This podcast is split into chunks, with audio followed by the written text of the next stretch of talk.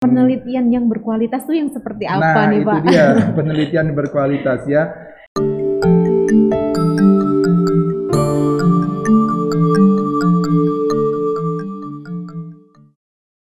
Assalamualaikum warahmatullahi wabarakatuh. Hai Sobat UNES, senang sekali nih pada kesempatan kali ini bersama saya Tuti Wijayanti dalam segmen Kata Pakar.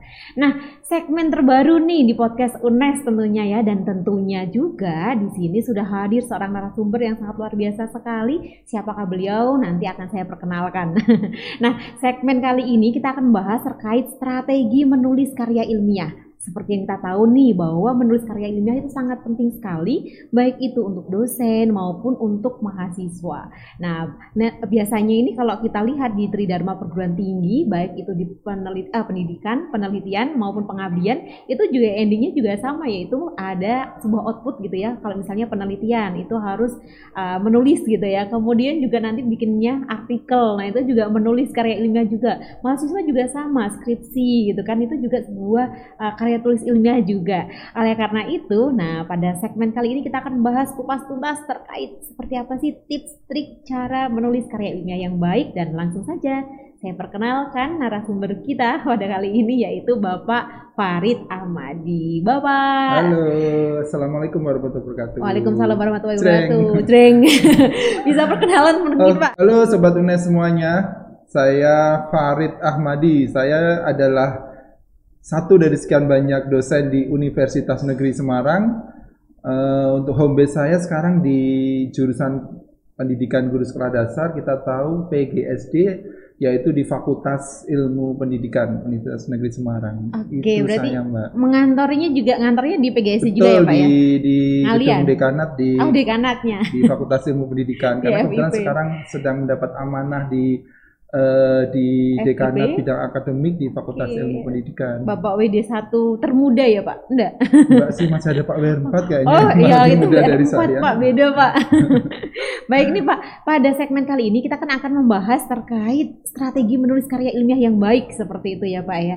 Nah mungkin Bapak bisa menjelaskan terlebih dahulu karya ilmiah yang baik itu yang seperti apa sih Pak begitu? Oke, jadi ini sebenarnya ilmu yang sangat mahal sekali hmm. ya, yang sangat banyak sekali sekarang dipelajari oleh ya.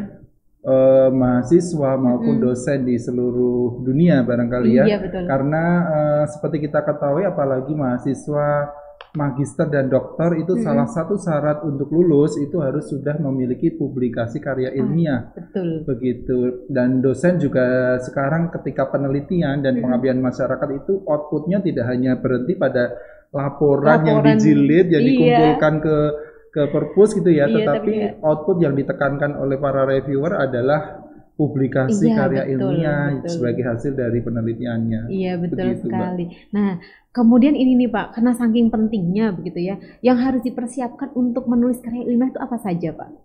Oke, yang harus dipersiapkan hmm. banyak sekali nih kayaknya. Ini waktunya cukup nggak ya durasinya cukup, ya? Pak.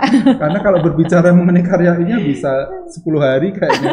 Iya benar benar. Oke, tapi ada beberapa clue hmm. yang yang bisa kita ini ya, yang bisa kita pelajari dari bagaimana kita mulai menulis karya ilmiah. Hmm. hmm, hmm. Tentunya uh, kita harus siapkan dulu nih raw materialnya ya. Jadi hmm. harus siap dulu bahannya untuk hmm. ditulis gitu. Nah, kalau berbicara mengenai karya ilmiah itu ada dua jenis yang dipublikasikan di proceeding yeah. dan juga dipublikasikan di jurnal yeah. gitu ya. Mungkin uh, Anda semua sobat UNED juga sudah tahu semua bahwa kalau yang dinamakan proceeding itu hasil dari mengikuti seminar mm -hmm. ya, baik seminar nasional maupun international conference ya. Mm -hmm di mana hasil-hasil para pemakalah di seminar itu hmm. di, dipublikasikan dalam sebuah proceeding hmm. sehingga kalau proceeding itu tidak harus hasil penelitian okay. gitu ya bisa ide-ide dan sebagainya. Namun ketika berbicara mengenai jurnal itu based on research mm -hmm. ya. Jadi bagaimana hasil-hasil penelitian itu tidak hanya berhenti pada laporan yang tidak terbaca oleh orang lain, yeah. tapi kalau sudah dipublikasikan ini sudah sangat bermanfaat sekali ya, apalagi mm. sekarang seluruh publikasi yang diakuin adalah online journal mm. system ya, yeah. di mana seluruh orang bisa mengakses uh, lewat uh, website mm. begitu. Nah, uh, berbicara mengenai karya ilmiah yang bagus, diawali dulu dengan material yang bagus ya. Iya. Material yang bagus didapat dari mana? Tentunya dari hasil penelitian yang berkualitas. Hmm. Gitu. Nah, bagaimana uh, jika hasil penelitiannya aja kurang berkualitas? Kok kita punya mimpi untuk publikasi di jurnal yang keren, yang yang penelitian yang berkualitas tuh yang seperti apa nah, nih itu Pak? dia penelitian yang berkualitas ya. Tentunya uh, yang awal sekali dalam kita mau menentukan penelitian kan diawali dengan menentukan topik ya, Iya. topik penelitian mana yang mau diambil. Heeh. Nah, berbicara mengenai topik itu Mhm. ada ilmunya lagi nih. Iya. Jadi kalau Ilmunya dari topik dulu kalau topik gitu itu Pak. eh, bisa di- ditentukan oleh beberapa hal, di antaranya bisa ditentukan dengan analisis yang namanya analisis eh, awal gitu ya. Jadi kita mencari latar belakang masalah yang ada di Oke, lapangan. Berarti gitu cari ya. masalah gitu ya Pak Iya, ya? cari masalah. Udah banyak itu. masalah terus cari masalah ya Pak ya. dan kemudian eh, ada dua ada yang lain yaitu berdasarkan fenomena yang terjadi sekarang Mm-mm. ini misalkan nih sekarang ada lagi fenomena yang berkembang apa gitu ya pembelajaran Iya. daring di Iya, mana iya, banyak betul. sekali kekurangan dan kelebihannya nah itu lantas kita jadikan topik penelitian Oke, gitu. berarti harus pandai-pandai cari ini ya Pak yang uh, problem yang ada gitu iya ya.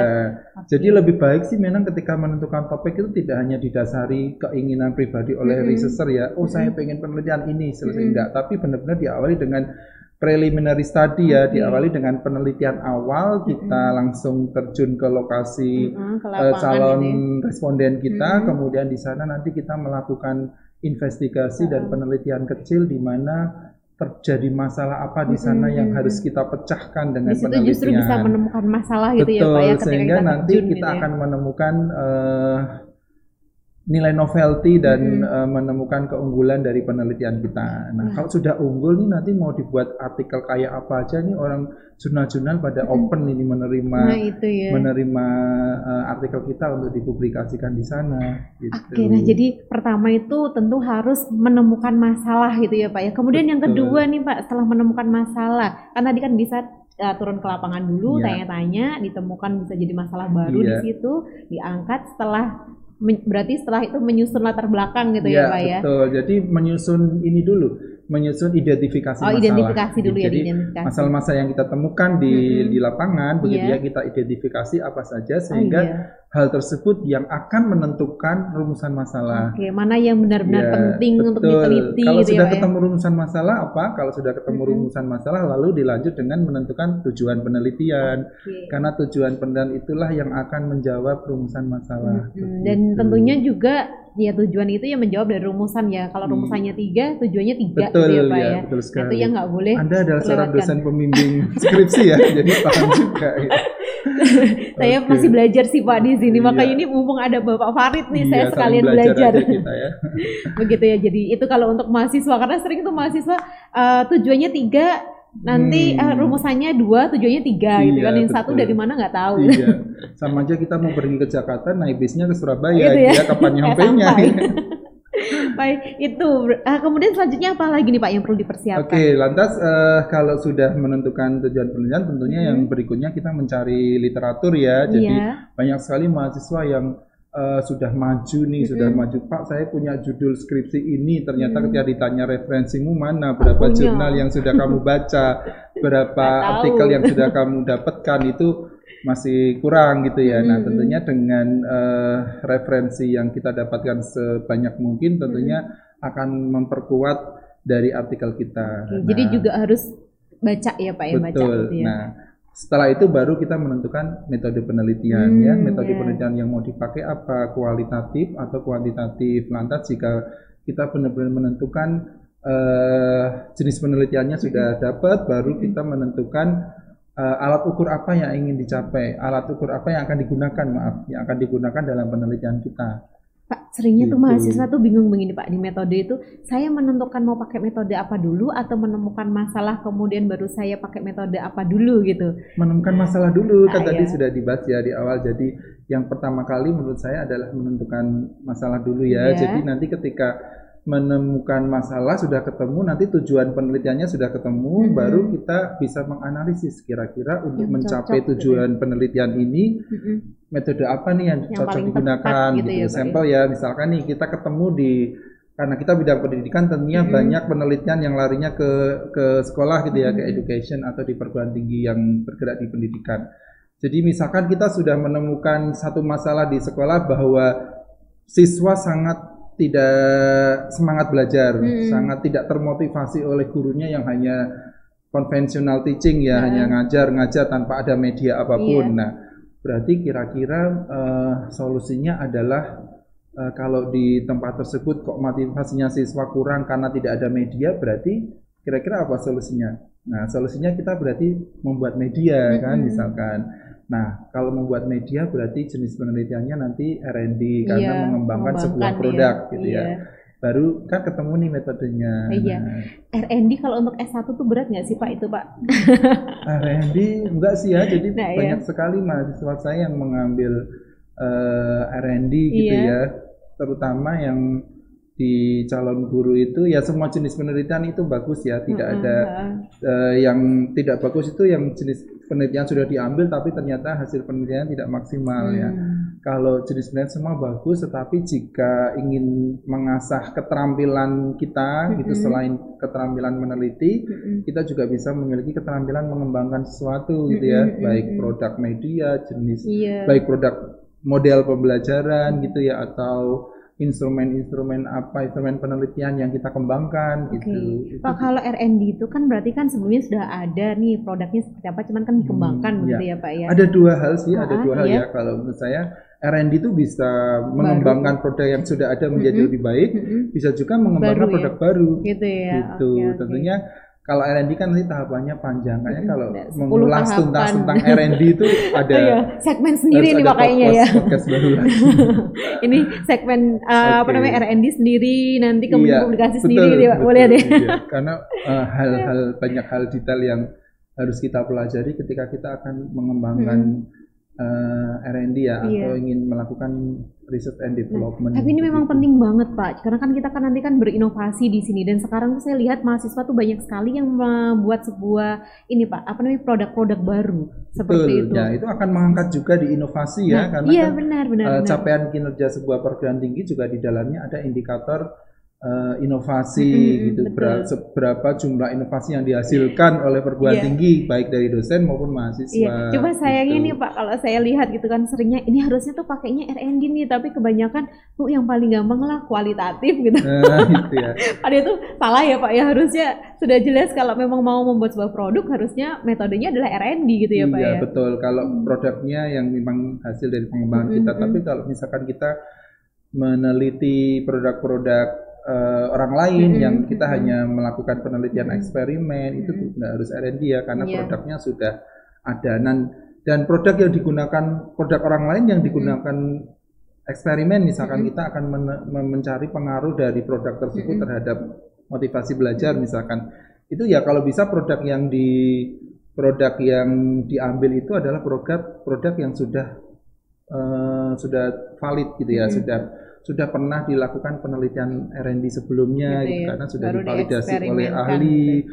sudah ada uji uji produk -hmm. dan seterusnya sehingga itu sudah layak untuk dibuat eksperimen -hmm. gitu. Tapi kadang-kadang mahasiswa ada yang ambil eksperimen tapi juga membuat produk, produk sendiri. Baru. Jadi iya, kalau menurut iya, saya betul. itu double double jenis penelitian. Gitu ya Pak ya, gitu. harusnya dua itu ya Pak ya. iya. ya.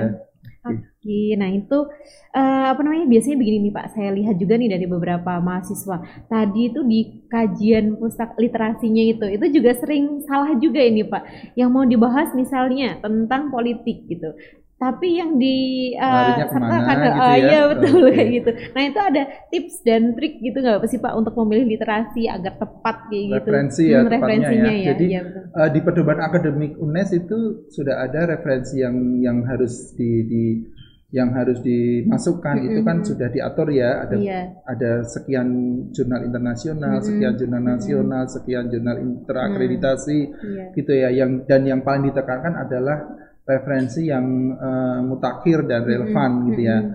Mutak, bisa dikatakan mutakhir bisa lima tahun terakhir mm -hmm. atau 10 tahun ter terakhir tergantung kebijakan dari masing-masing fakultas. Iya, karena memang iya, masing-masing fakultas beda iya, ya, Pak ya. betul sekali. Nah, cara ini sudah balik lagi ke artikel ya, mm -hmm, ke yeah. ke penulisan karya ilmiah. Jadi uh, mensitasi yang baik itu juga uh, banyak hal yang harus kita yeah, pelajari nih jadi ya, biar Pak, tidak ya.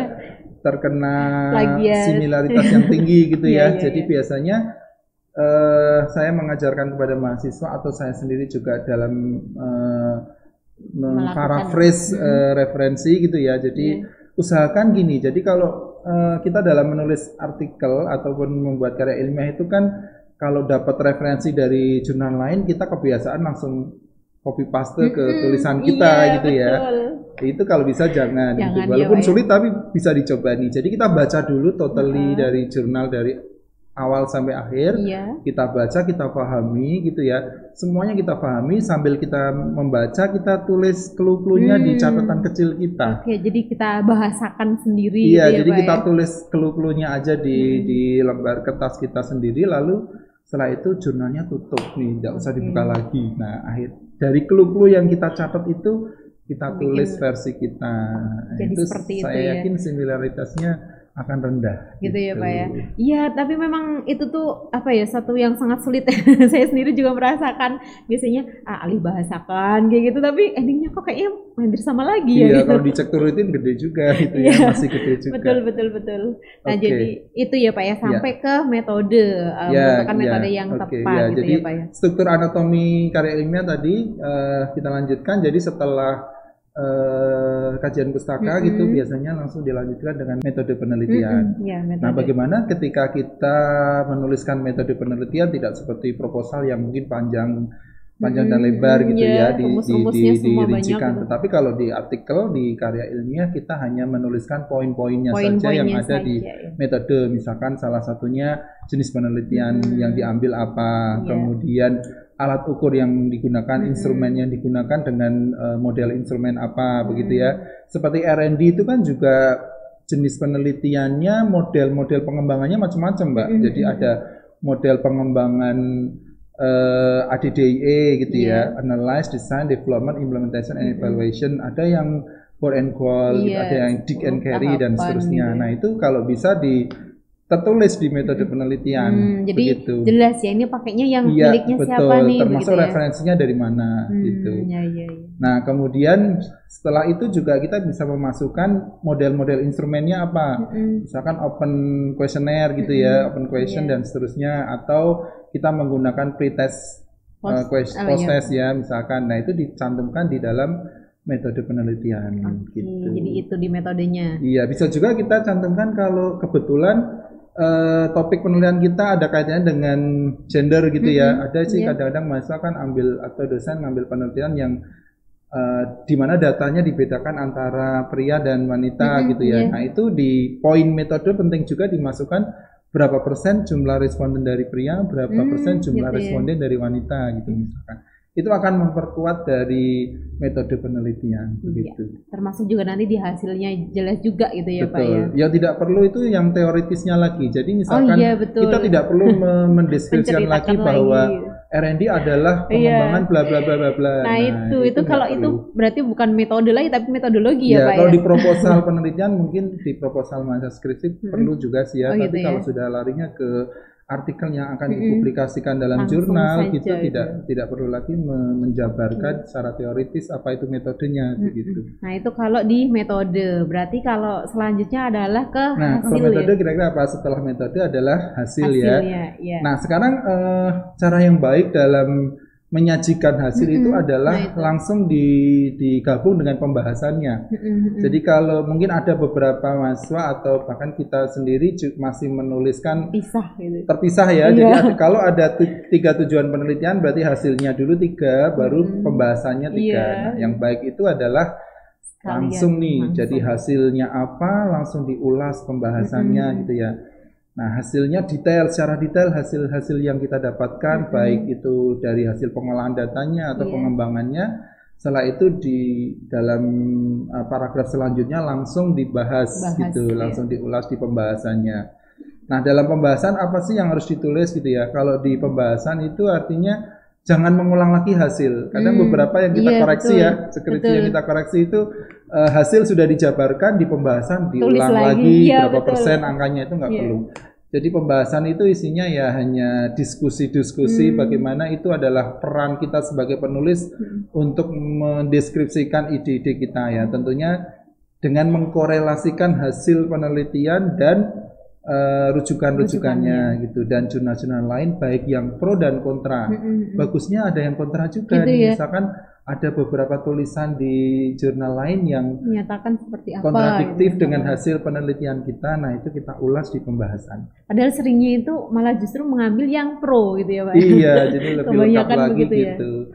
Hmm, jadi Seperti harus disertakan. Kemudian begini Pak, biasanya kalau di mahasiswa nih, nah ini kan biasanya skripsinya itu kan tebal sekali. Untuk membuat menjadi artikel itu biasanya agak susah nih Pak, karena yang dipotong yang mana. Nah mungkin ada tipsnya lagi nih Pak yang harus diambil gitu ketika di pembahasannya itu yang apa gitu. Oke, ya jadi memang uh, kalau kita sudah mulai mau menulis artikel ya, hmm. itu saya sarankan memang kita tahu dulu nih template-nya. Oh, gitu. Iya, Jadi kalau uh, ya. penelitian sudah selesai hmm. gitu ya, sudah diolah, sudah ada draft kasar hasil penelitian, baru kita cari dulu template jurnal yang akan kita publish ya. Hmm. misalkan kayak mungkin kalau untuk mahasiswa S1 kan belum diwajibkan untuk publikasi tapi hanya mengumpulkan artikel, artikel. Iya, nah tentunya artikel. nanti mungkin pedomannya ada tapi kalau mahasiswa S2 itu mm-hmm. minimal kan sudah dipublish di jurnal nasional akreditasi atau jurnal internasional mm-hmm. kalau yang program doktoran harus Scopus gitu yeah. ya nah itu kalau bisa searching jurnalnya dulu nih jadi mm-hmm. jurnal apa yang akan kita tuju akan kita submit kalau udah ketemu kalau jurnal bereputasi itu pasti ada template-nya. Okay. Jadi pasti ada template-nya, pasti ada uh, guide for -hmm. author ya. Itu di sana di-download -hmm. uh, template-nya seperti apa lalu kita sesuaikan, sesuaikan ya. sama persis dengan apa Sampai yang dipandu di template. berapa kata berapa gitu, ya. halaman, berapa -hmm. kata, uh, jenis fontnya apa, iya, size-nya iya. font apa dan seterusnya itu semuanya diikutin agar kita nggak dua kali kerja. Ah iya gitu. betul. Memang karena biasanya memang permasalahannya seperti itu pak. Iya. Jadi kadang itu oh seperti ini nih. Ada kan beberapa jurnal itu yang tidak perlu menyajikan terkait uh, kajian pusakanya gitu. Iya, betul. Tapi ada juga yang kemudian harus, harus ada ya, baik. gitu. Jadi masing-masing sub bagian di uh. di jurnal itu juga di artikel yang di jurnal itu beda-beda juga. Beda-beda ya pak ya.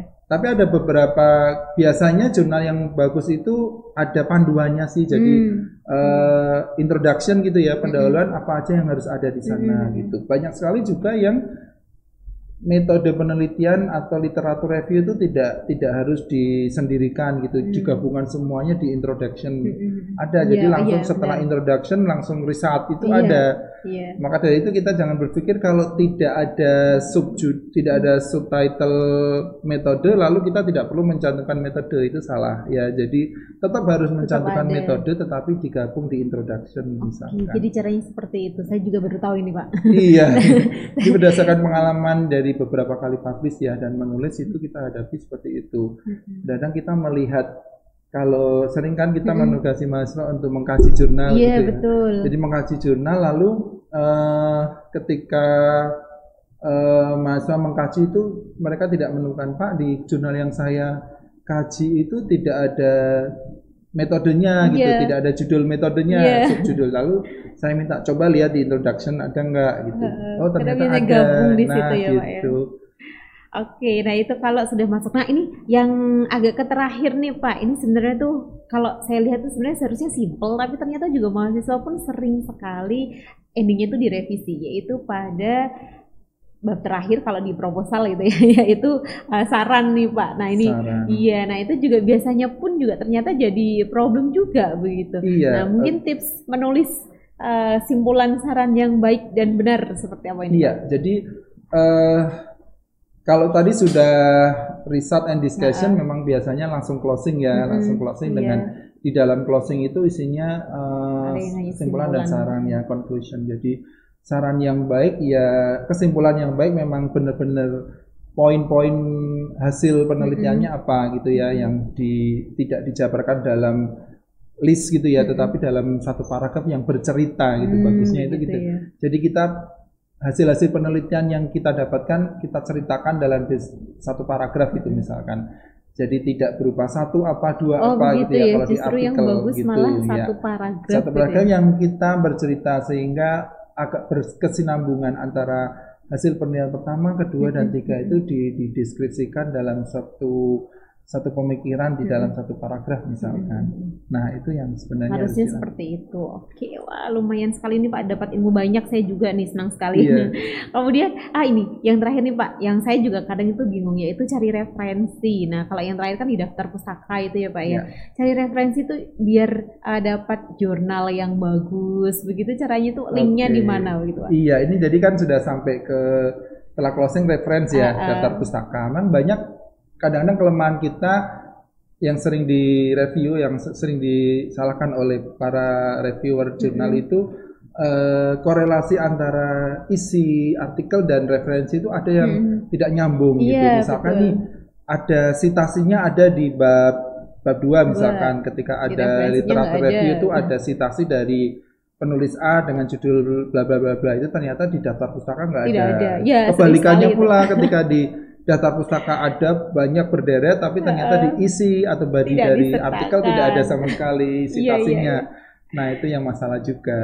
Maka dari itu ya pastikan tapi kalau sudah menggunakan uh, reference manager system gitu ya, seperti Mendeley Iya, itu saya iya. yakin hal itu sudah Tidak akan teratasi ini ya Pak ya. karena Kecuali sudah manual ya. tersistem dengan baik sehingga makanya di kalau bimbingan saya ya wajib deh ada pakai gitu ya, Mendeley gitu pakai ya, Mendeley pakai ya. Mendeley sehingga tidak mengantisipasi hal-hal yang ada seli- selih gitu ya, ada selisih Hmm. antara apa yang ditulis di referensi dengan apa yang disitasikan di body text Nah, gitu. jadi itu ya. Jadi kalau mau aman berarti sekalian saja pakai aplikasi saja ya, gitu di ya. Mendeley Pak. juga bisa kok kita langsung uh, searching jurnal-jurnal yang berkaitan dengan Hmm, apa yang akan kita keluar gitu ya. itu ya Pak ya. Nah, kalau kita mencari referensi eh, di jurnal-jurnal internasional, Mhm. kita banyak mas bisa masuk atau memanfaatkan beberapa situs yang Mhm. menyediakan eh, jurnal-jurnal Mhm. begitu ya, seperti skimego.cr.com itu yang Mhm. Skimego itu juga kita banyak bisa temukan jurnal-jurnal terindeks Scopus di sana, itu ResearchGate dan seterusnya. Itu banyak sekali eh, portal yang menyajikan banyak, Banyak jurnal open source yang open access yang bisa kita pakai itu ya, ya. Oke. Nah, itu kalau sudah jadi berarti tahap selanjutnya nih yaitu untuk publikasi. Nah, tahapan selanjutnya ini adalah nih. publikasi. Iya. Nah, sekarang nih Pak, kalau sudah selesai terkait cara menulis yang baik tadi ya Pak ya, karya tulis ilmiah, kemudian yang selanjutnya adalah tips untuk publikasi nih Pak. Nah, ini nih yang agak susah sekali nih. Nah, Iya. tipsnya nih Pak, apa saja Oke. nih?